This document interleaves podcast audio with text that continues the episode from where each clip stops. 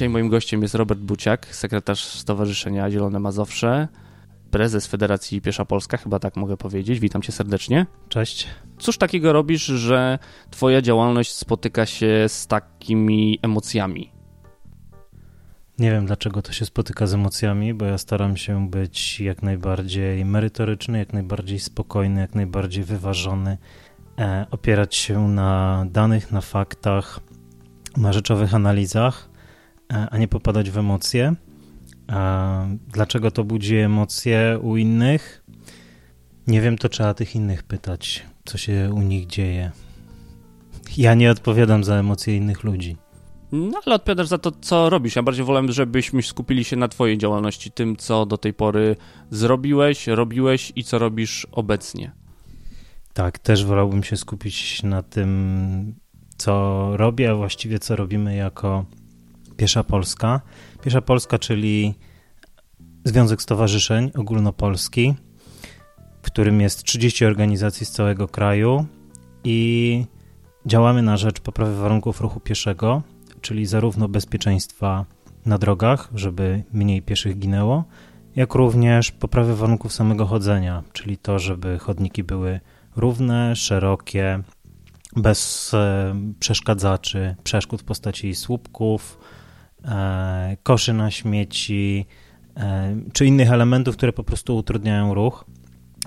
No, brakuje na przykład w wielu miejscach ławek, brakuje odpowiedniego zacienienia w postaci drzew.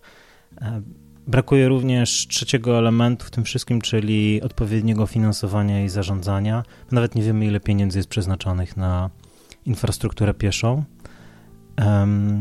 A finansowanie działalności organizacji pozarządowych w zakresie ruchu pieszego no jest w zasadzie żadne. To musimy walczyć o pieniądze albo w konkursach, które są ogólnopolskie, które dotyczą e, całości zagadnień, czyli jesteśmy jakimś tam malutkim fragmentem i rywalizujemy z organizacjami zajmującymi się e, kulturą, czy osobami niepełnosprawnymi, e, czy czymkolwiek, no zdrowiem. Więc wtedy jest nam bardzo trudno zdobywać pieniądze w takich konkursach ogólnopolskich, ogólnotematycznych. No bo nikomu nie powiesz, że to są mniej ważne rzeczy, o których wspomniałeś z pewnością, a jakby no bądź co bądź ten problem y, dotyczący dostępności, no jakby mówi się o dostępności drogowej, dostępności komunikacyjnej, dostępności czasem nawet portów morskich czy śródlądowych, ale jakby temat dostępności pieszej, no do tej pory nie był tak mocno nagłośniony i to jest coś no w sumie nowego w Polsce. Zgadza się i bardzo dobrze, że mówisz o słowie dostępność, dlatego że dwa lata temu została przyjęta ustawa o dostępności, tak? Dobrze pamiętam? Dwa lata temu czy trzy lata? Chyba dwa lata temu. I w ustawie o dostępności nie ma zapisów dotyczących dostępności pieszej. Jest dostępność architektoniczna do budynków, jest dostępność do transportu publicznego, ale nie ma w ogóle mowy o dostępności w postaci sieci ruchu pieszego, czyli sieci chodników. Skutek jest taki, że jeżeli e, osoba starsza ma potrzebę dostania się do przychodni, a mieszka na czwartym piętrze w bloku, gdzie nie ma windy, to może na podstawie ustawy o dostępności wnioskować o budowę windy u siebie w bloku, może wnioskować o budowę podjazdu przed przychodnią, ale jeżeli na chodniku pomiędzy blokiem a przychodnią są zaparkowane samochody, to nie może w żaden sposób za pomocą ustawy dostępności interweniować, żeby mieć możliwość normalnego dojścia do tej przychodni. I takie przypadki mamy. Ja widzę taki przypadek w zasadzie codziennie, bo codziennie jeżdżę ulicą Żytnią. I tam rzeczywiście tak jest. Przed samą przychodnią są zaparkowane na chodniku samochody i osoby starsze nie mogą przejść trzymając się jedna drugiej, bo dla pieszych zostaje 70 cm i nie można interweniować um, poprzez ustawę o dostępności, żeby ułatwić to poruszanie się. No ja próbowałem interweniować poprzez budżet obywatelski, no i dla urzędników z Biura Polityki Mobilności i Transportu Urzędu Miasta Stołecznego Warszawy, to, że są zaparkowane samochody na chodniku w sposób utrudniający poruszanie się pieszych, w ogóle nie stanowiło żadnego problemu. Także problemy mamy naprawdę spore, jeśli chodzi o poruszanie się pieszo, nawet w środku Warszawy. No właśnie ten budżet y, partycypacyjny, sporo osób miało do Ciebie pretensje. Powiedz coś więcej na temat projektu, które do tej pory składałeś i jak, jakie były ich losy. No ja do tej pory złożyłem 70 projektów, przy czym trzeba pamiętać, że kilka z nich było kilka razy składanych, więc y, no jakby uwzględniając to, że niektóre, o niektóre trzeba było starać się 2 czy 3 lata, to było ich pewnie około 50. 30 z nich e, przeszło do realizacji. No i zaczęło się od bardzo prostej rzeczy, czyli remontu chodnika wzdłuż Alei Lotników. E, to było w pierwszej edycji budżetu partycypacyjnego w Warszawie. No potem w kolejnych latach um, składałem projekty na kolejne remonty chodników, na zrobienie bezpiecznych przejść dla pieszych, ale również um, pomagałem innym w pisaniu projektów. No i ten projekt, o którym było najgłośniej, no to dotyczył um, ulicy Dąbrowskiego. Tam pomagałem Agacie Kowalskiej przy wypromowaniu jej projektu, który miał polegać na tym, żeby wprowadzić kontraruch rowerowy e, na e, ulicach Starego Mokotowa. No i problem był taki, że inżynier ruchu, gdy dostał ten projekt już po przegłosowaniu, zażądał do tego, żeby uporządkować całe parkowanie i ułatwić poruszanie się pieszym po chodnikach, czego nie było w oryginalnym projekcie.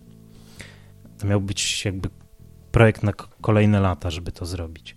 A wiedzieliśmy, że to będzie trudne. No i inżynier ruchu podjął decyzję, która zwiększyła koszt projektu dziesięciokrotnie, zupełnie go zmieniła. No i potem wylała się fala nienawiści jakieś dwa lata temu. E, no i ona skupiła się nie na inżynierze ruchu, który podjął decyzję, tylko na autorach projektu, którzy w ogóle tego nie, nie mieli w swoim zapisanego w swoim, w swoim projekcie. Kolejną kontrowersję wzbudził projekt tego, żeby prowadzić bezpieczeństwo przed szkołami. No i złożyłem trzy takie projekty i wszystkie zostały odrzucone przez Wydział Infrastruktury i Inwestycji Urzędu Dzielnicy Mokotów. One miały polegać na tym, żeby przed szkołami uporządkować parkowanie, wprowadzić bezpieczeństwo, uniemożliwić przejazd również, bo to są małe uliczki i wcale tego tranzytu tam nie musi być. Um, ja byłem gotowy na to, żeby modyfikować ten projekt, rozmawiać o nim. No niestety E, wylała się kolejna fala nienawiści i skończyło się tak, że nadal, na przykład przed szkołą mojej córki, jest taka sytuacja, że na jednym chodniku są zaparkowane samochody, na drugim chodniku są zaparkowane samochody, dzieci idą środkiem jezdni do szkoły. I to, to nie jest pojedynczy przypadek w Warszawie. Myślę, że takich szkół to mamy przynajmniej kilkadziesiąt. Jakbyśmy mieli pieniądze na działalność, to byśmy bardzo chętnie zmapowali, zrobili analizę dokładnie, jak wygląda sytuacja przed wszystkimi szkołami w Warszawie i potem to rozpropagowali na inne miasta. No niestety, no, nikt na, na taką działalność jakoś pieniędzy nie, nie, nie chce przyznać, a mieliśmy takie plany. Składaliśmy wniosek do Funduszu Inicjatyw Obywatelskich. No, zabrakło nam dwóch punktów a te dwa punkty byśmy dostali, gdybyśmy nie byli z Warszawy, tylko z terenów wiejskich. Nie dostaliśmy po prostu punktów za pochodzenie. I za brak punktów za pochodzenie, nie, może, nie, nie, przez to, że nie dostaliśmy punktów za pochodzenie, nie realizujemy projektu e, audytu bezpieczeństwa w Warszawie i sąsiadujących gminach. Robert, ale ja mam takie spostrzeżenie, że o ile faktycznie przed e, szkołami w Warszawie, bo znamy je obaj, widzę z własnego doświadczenia, że te problemy, które są, oczywiście nikt nie umniejsza ich istnienia, ale mając y, doświadczenia też z jakiegokolwiek wyjazdu dłuższego niż jeden dzień do jakiegokolwiek polskiego miasta powiatowego, no to jednak trzeba przyznać, że w Warszawie mamy naprawdę komfortowe warunki. Mamy problemy oczywiście z parkowaniem, nikt ich nie umniejsza, ale ten problem dostępności pieszej, no to jednak też jest również w małych miastach i e, na wsiach to już w ogóle po prostu chodnik to jest coś wyjątkowego. Byłem ostatnio przez kilka dni na Żywiecczyźnie, no i pomiędzy Węgierską Górką a wsią Żabnica jest droga powiatowa. W Żabnicy jest oczywiście kościół, szkoła podstawowa, jest e, stok narciarski na końcu wsi, bo to jest w samych górach. No i wzdłuż ulicy przez większość wsi nie ma żadnego chodnika, ale droga jest kręta, jak to w górach. No i jest ta droga po prostu bardzo niebezpieczna. I myśmy się pytali gospodarzy, u których nocowaliśmy z dziewczyną, e, czy tutaj w ogóle ktoś interweniował, czy, czy wiedzą Państwo o tym, że to jest jakiś problem. No i ci nasi gospodarze powiedzieli tak, tutaj interweniujemy od kilku lat, tutaj dzieci chodzą do szkoły jezdnią, pędzą samochody. Myślę, że połowa przekracza dopuszczalną prędkość 50 km na godzinę, bo to jest e, w terenie zabudowanym, na terenie wsi. Są zakręty, na których nic nie widać, no ale Powiatowy Zarząd Dróg w Żywcu w ogóle bagatelizuje problem, nie widzi problemu. Skoro nie ma wypadków, no to znaczy, że dla nich jest wszystko ok. Więc to jest takie myślenie, że dopóki nikt nie zginie, a najlepiej jakby zginęło kilka osób, no to wtedy dopiero by zauważyli problem. I niestety tak mamy, myślę, w większości mniejszych miast i terenów wiejskich w całej Polsce, że problemy pieszych się po prostu bagatelizuje.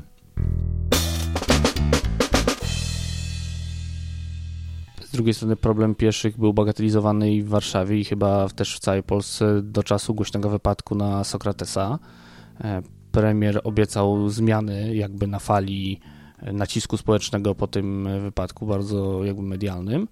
I w ubiegłym tygodniu były takie no, dwa spotkania. Jedno u głównego inspektora transportu drogowego, drugie było też spotkanie mm, parlamentarnego zespołu do spraw bezpieczeństwa ruchu drogowego. E, czy mógłbyś coś więcej opowiedzieć na temat tych wydarzeń? W jakim celu zostały one zwołane, co na nich dyskutowano i jaki, jakie były konkluzje z tych dyskusji? To może jeszcze chwilę o tej Warszawie. E, to nie jest tak, że w Warszawie temat pieszych pojawił się mm, trzy miesiące temu. W Warszawie na szczęście są organizacje pozarządowe, które działają i e, no, wczoraj mieliśmy społeczny odbiór przejścia dla pieszych e, na ulicy Słowackiego na Żoliborzu. No to jest przejście dla pieszych, o które starania trwały 10 lat. Więc od tych przynajmniej 10 lat w Warszawie rzeczywiście są i środowiska działaczy społecznych, jak i również matek, które starają się o to, żeby z dziećmi było łatwiej poruszać się po, po mieście które jednak działają, coś robią, walczą o konkretne tematy. No i to powoli, powoli się zmienia. No, podobnie jest w pozostałych dużych miastach, ale to rzeczywiście skupia się w tej chwili w tych największych ośrodkach. Mm, a teraz na temat tych dwóch spotkań, które były w tygodniu. No, debata ekspercka, która miała miejsce w środę w Głównym Inspektoracie Transportu Drogowego, no, nosiła tytuł Bezpieczeństwo ruchu drogowego, perspektywa zmian. No i em, była podzielona na trzy panele. Pierwszy dotyczył nadmiernej prędkości aut, drugiej mm, poprawy bezpieczeństwa niechronionych uczestników ruchu drogowego i tutaj było głównie na temat pieszych. No i trzeci panel dotyczący zmian przepisów. No i w debatach brali udział E, zarówno przedstawiciele ministerstw, e, środowisk naukowych, e, samorządów, organizacji pozarządowych. No i w zasadzie nie pojawił się praktycznie żaden nowy temat. No to było cały czas powtarzanie tych samych informacji, które znamy od lat, albo powiedzenie tego, co dowiedzieliśmy się z raportów opracowywanych dla Krajowej Rady Bezpieczeństwa Ruchu Drogowego w poprzednim roku. No więc dowiedzieliśmy się, że, znaczy dowiedzieliśmy się, zostało nam po raz kolejny powiedziane, że 85% kierowców przekracza e, dozwoloną prędkość przed e, przejściami dla pieszych w terenie zabudowanym, a poza terenem budowanym 90% kierowców. E, no, panuje po prostu na naszych drogach anarchia, nie ma żadnego nadzoru. No więc podstawowy postulat z tego, z tego panelu był taki, że no po prostu należy zwiększyć nadzór nad ruchem drogowym, który w tej chwili jest totalnie nieefektywny, no bo e, z, man, z fotoradary w Polsce rocznie wykonują ponad półtora miliona zdjęć pokazujących przekroczenie prędkości, a w 2018 roku ledwie jedna trzecia z tych e, wykroczeń pokazanych zakończyła się mandatem, w 2019 roku niecała połowa. Czyli można przekroczyć prędkość, można przejechać na czerwonym świetle i szansa na to, że się zostanie ukaranym jest niecała, niecałe 50%. I to jest po prostu zatrważające, że u nas po prostu ten system prewencyjny łamania przepisów na drodze kompletnie nie funkcjonuje. E, nie funkcjonuje od kilku lat, tak naprawdę od czasu, kiedy gminom odebrano możliwość e, stawiania fotoradarów. No wylano dziecko z kąpielą, bo wtedy mówiono, że są gminy, które dwie trzecie dochodów czerpią z ustawienia fotoradarów. No ale spójrzmy na gminę Biały Bór. Ona miała ustawione dwa fotoradary w tych miejscach, gdzie rzeczywiście dochodziło do największej liczby kolizji. No myśmy po prostu sprawdzili w systemie ewidencji wypadków i kolizji mm, prowadzonym przez Komendę Główną Policji i o ile w latach 2011-15 dochodziło tam mniej więcej do 10 zdarzeń drogowych rocznie, czyli głównie to były kolizje, tam raczej e, mało kto e, ginął czy, czy, czy zostawał ranny, o tyle po zabraniu fotoradarów ta liczba zdarzeń wzrosła trzykrotnie. I to dokładnie w tych miejscach, w których były fotoradary. I wcale nie jest tak, że tam e, zaczęli nagle ginąć piesi, tylko to są przede wszystkim stłuczki pomiędzy samochodami, często nawet wypadki, w których zostają osoby ciężko ranne, albo no, zdarzył się też wypadek śmiertelny w takim miejscu. Także no, tu jest problem i trzeba coś zrobić z fotoradarami, żeby po prostu na, na drogach było bezpiecznie. I to nie dotyczy tylko pieszych, ale może i właśnie nawet przede wszystkim kierowców. Takie zdanie padło na spotkaniu zespołu parlamentarnego, że również kierowca powinien się czuć bezpiecznie e, na drodze, że nie zginie, kiedy będzie jechał do domu. No oczywiście, że kierowca powinien czuć się bezpiecznie, e, ale jemu bezpieczeństwo zapewni przede wszystkim e, to, żeby on sam i inni kierowcy przestrzegali ograniczeń prędkości. A z tym mamy w Polsce największy problem. E, to wracając do tego, co było na, na debacie, bo e, po, powiedzieliśmy na razie o pierwszym panelu. No, drugim panelu dotyczącym bezpieczeństwa pieszych bardzo ciekawe rzeczy powiedział profesor Krzysztof Jamros z Politechniki Gdańskiej. Mianowicie, że na terenach niezabudowanych 90% pieszych ginie na jezdni.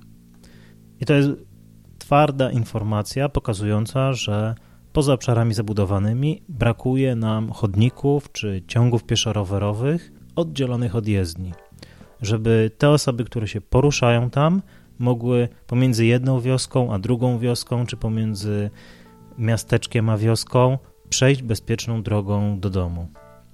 No bo jak nie ma, jak autobusy jeżdżą tak rzadko jak jeżdżą na terenach wiejskich, no to często właśnie te, te osoby wracają na własnych nogach, jeżeli e, nie korzystają z własnego samochodu, bo ich na przykład nie stać. No i takie osoby po prostu giną.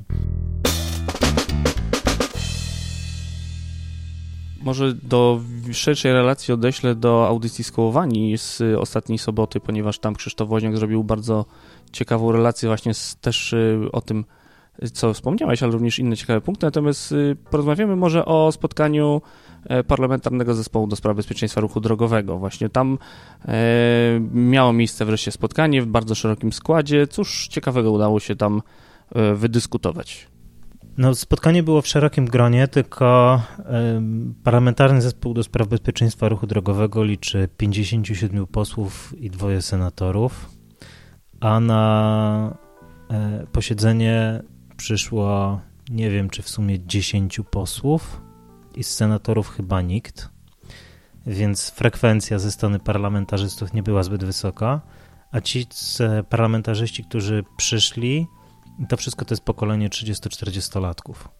Więc e, jakby decydenci, którzy przyszli, no to było tak naprawdę jedna grupa wiekowa. Brakowało. No, to, to sprawiało bardzo ciekawe wrażenie, dlatego że e, połowa pieszych, którzy giną, to są osoby powyżej 60 roku życia.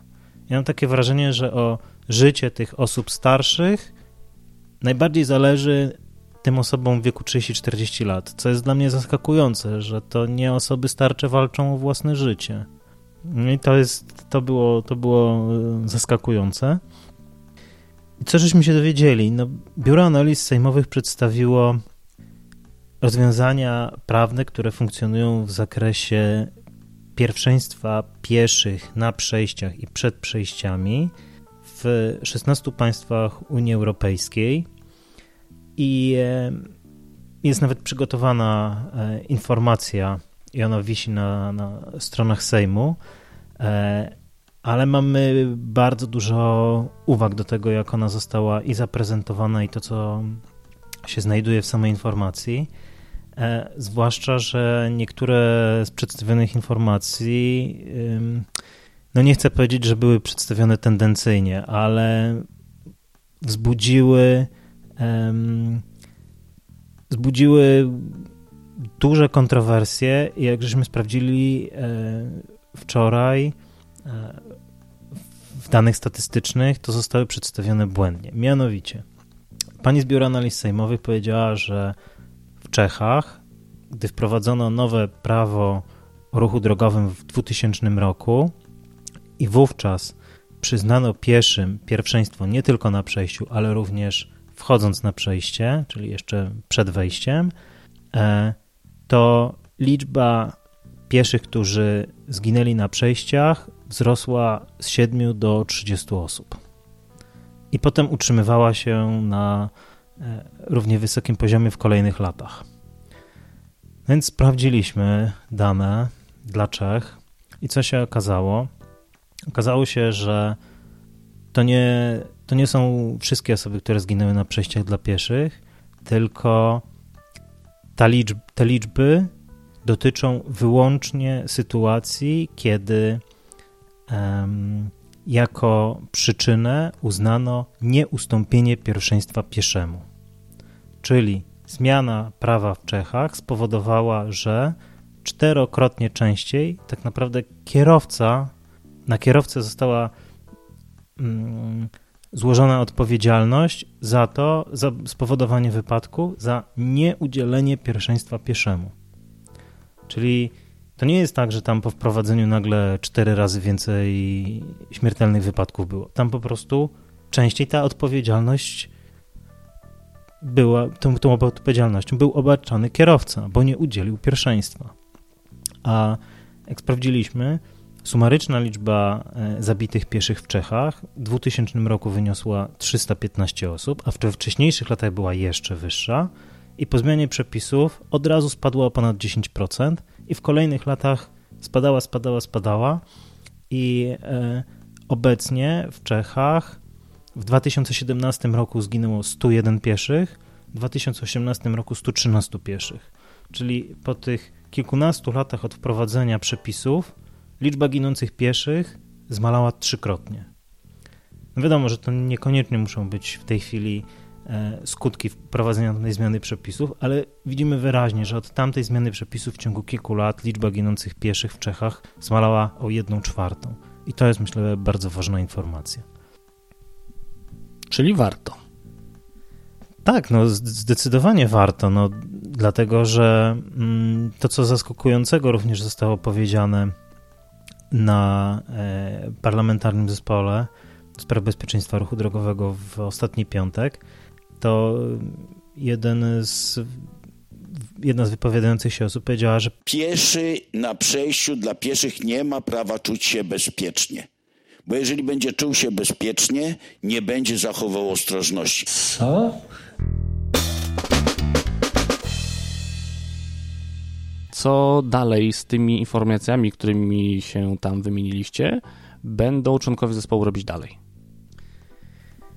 Tak, to na koniec posiedzenia zostały mm, przez e, przewodniczącą zespołu Agnieszkę Dziemianowicz-Bąk z klubu Lewicy zaproponowane kolejne posiedzenia na temat po pierwsze projektu rządowego, jak on się już pojawi, no bo Konrad Romik, sekretarz e, Krajowej Rady Bezpieczeństwa Ruchu Drogowego, który był obecny na posiedzeniu, nic nie powiedział na temat treści e, projektu rządowego mm, zmian w ustawie Prawo o ruchu drogowym. I wiemy, że te, tą ustawę przedstawi po prostu premier Morawiecki. Ale kiedy to będzie, jaki będzie kształt tego projektu, to nie wiemy i nadal będziemy czekać, i to jest największy w tej chwili e, problem, że ciężko zaplanować pracę, ponieważ nie wiadomo, kiedy ten projekt się pojawi. Po drugie, mm, pojawił się temat tego, jak komunikować zmiany, dlatego że wszyscy zdają sobie sprawę, że bez szerokiej kampanii informacyjnej o tym, że zostało wprowadzone nowe prawo, no to jego skuteczność może być mniejsza, przede wszystkim mniejsza. No to nie będzie wystarczyło spoty w telewizji, pewnie kampania radiowa na pewno będzie bardzo ważna, ale pewnie też trzeba będzie dotrzeć do na przykład w jakiś sposób do seniorów, bo coraz więcej seniorów ginie na drogach. I to szczególnie do seniorów kierowców, którzy są sprawcami również znacznie większej e, liczby śmiertelnych wypadków niż to e, wynika z ich udziału w populacji. No i Trzecia rzecz, która jest splanowana, no to wyjazdowe posiedzenie zespołu w Jaworznie, które może się pochwalić tym prowadzeniem wizji zero u siebie, e, żeby oni pokazali, jakie rozwiązania inżynieryjne wprowadzili, bo oni w obecnych regulacjach prawnych doprowadzili do sytuacji, że w 2017 roku nikt nie zginął w całym mieście, w 2019 roku też nikt nie zginął w Jaworznie przez cały rok na drogach. Mm, no i ja zaproponowałem jeszcze, żeby y, komisja zajęła się dwoma kolejnymi tematami, czyli żeby została zrobiona analiza innych przepisów przez Biuro Analiz Sejmowych, nie tylko tego, jak wygląda pierwszeństwo przed przejściami dla pieszych, ale jak wygląda na przykład y, system fotoradarów, y, jakie są wysokości mandatów, jak działa cały system zarządzania ruchem drogowym, na przykład jak to zrobiono w Hiszpanii, która jest tutaj bardzo dobrym przykładem, gdzie instytucja zarządzająca jest niezależna politycznie, a nie tak jak u nas, gdzie Krajowa Rada Bezpieczeństwa Ruchu Drogowego podlega pod Ministerstwo Infrastruktury. No i e, ostatni temat, który tam zaproponowałem, to dyskusje o rozporządzeniach, no bo to nie jest tylko konieczność zmiany prawa o ruchu drogowym, ale mamy również wiele rozporządzeń wykonawczych do bardzo różnych ustaw, zarówno prawa budowlanego, jak i prawo o ruchu drogowym, jak i no, wysokość mandatów, no to też jest regulowana rozporządzeniem, e, żeby dokładnie, szczegółowo przedyskutować rozporządzenia, dlatego że podczas parlamentarnego zespołu padły dwie ważne informacje. Po pierwsze, że e, dwie ważne informacje. Polskie prawo jest niezgodne w tej chwili zarówno z konwencją wiedeńską o ruchu drogowym, jak i z konwencją nowojorską o prawach osób niepełnosprawnych. I tutaj naprawdę trzeba się dokładnie przyjrzeć przepisom, w jakich Polska jest niedostosowana do konwencji, które od wielu lat e, są również naszym prawem bo jesteśmy stronami tych konwencji. I tu postawimy kropkę na dziś. Bardzo Ci dziękuję. Mam nadzieję, że uda mi się towarzyszyć z mikrofonem w wyjazdowym posiedzeniu w Jaworznie, bo to zapowiada się naprawdę ciekawie. Moim gościem był dzisiaj Robert Buciak, Zielone Mazowsze, Piesza Polska. Bardzo Ci dziękuję. Dziękuję również. Na zakończenie chciałbym serdecznie podziękować patronom podcastu, a w szczególności Piero, Pawłowi Szczurowi, Robertowi Błautowi, Tomaszowi Tarasiukowi, Monice Stankiewicz i Kubie Czajkowskiemu. Jeżeli chcecie dołączyć do grona patronów, zapraszam na patronite.pl przesiadkowy lub na patreon.com przesiadkowy. Możecie również przekazywać pojedyncze darowizny, jeżeli nie chcecie wspierać podcastu regularnie. Na stronie węzelprzesiadkowy.pl jest oczywiście link do PayPala, gdzie możecie takie pojedyncze darowizny przekazać. Na dziś to wszystko. Do usłyszenia.